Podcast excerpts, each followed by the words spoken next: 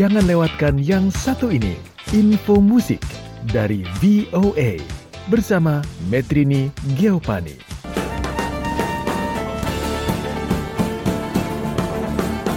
Sejak Maret lalu, band Sitian menghibur penonton di Facebook Live dua kali sebulan. Kelompok itu menawarkan musik hasil paduan berapi-api antara bluegrass dan musik rakyat Irlandia bergaya rock. Awalnya pertunjukan virtual itu hanya melalui ponsel pintar. Belakangan pertunjukan digarap secara profesional disebut Quarant Stream.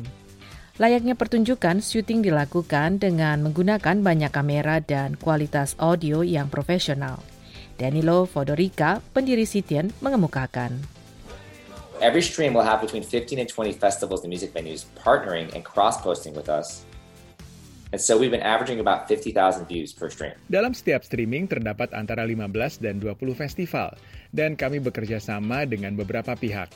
Jadi, kami perkirakan tiap streaming ditonton sekitar 50 ribu kali.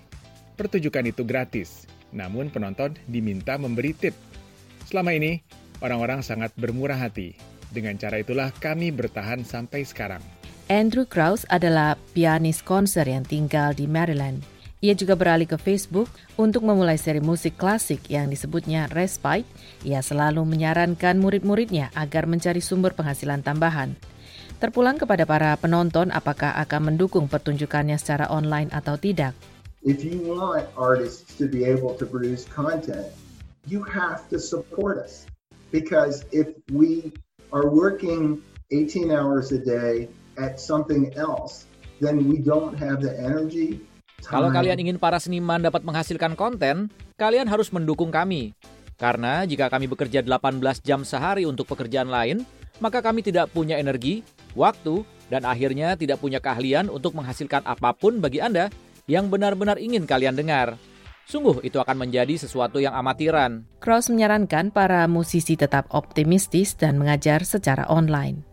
Mengajar adalah suatu hal yang menjadi pusat perhatian bagi Antonina Sevoska, penyanyi opera berbasis di kota New York saat ini.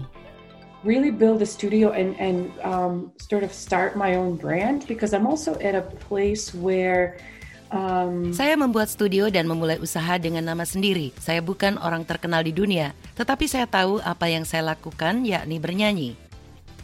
Sejumlah musisi menyadari jika industri musik bertahan, maka dunia hiburan akan terlihat sangat berbeda pasca pandemi. Tidak diragukan lagi, para musisi akan mampu mengembangkan karyanya dengan pendekatan kreatif yang sama sekali baru lain dari sebelumnya. Metrini Kiopani, Voice of America, Washington DC.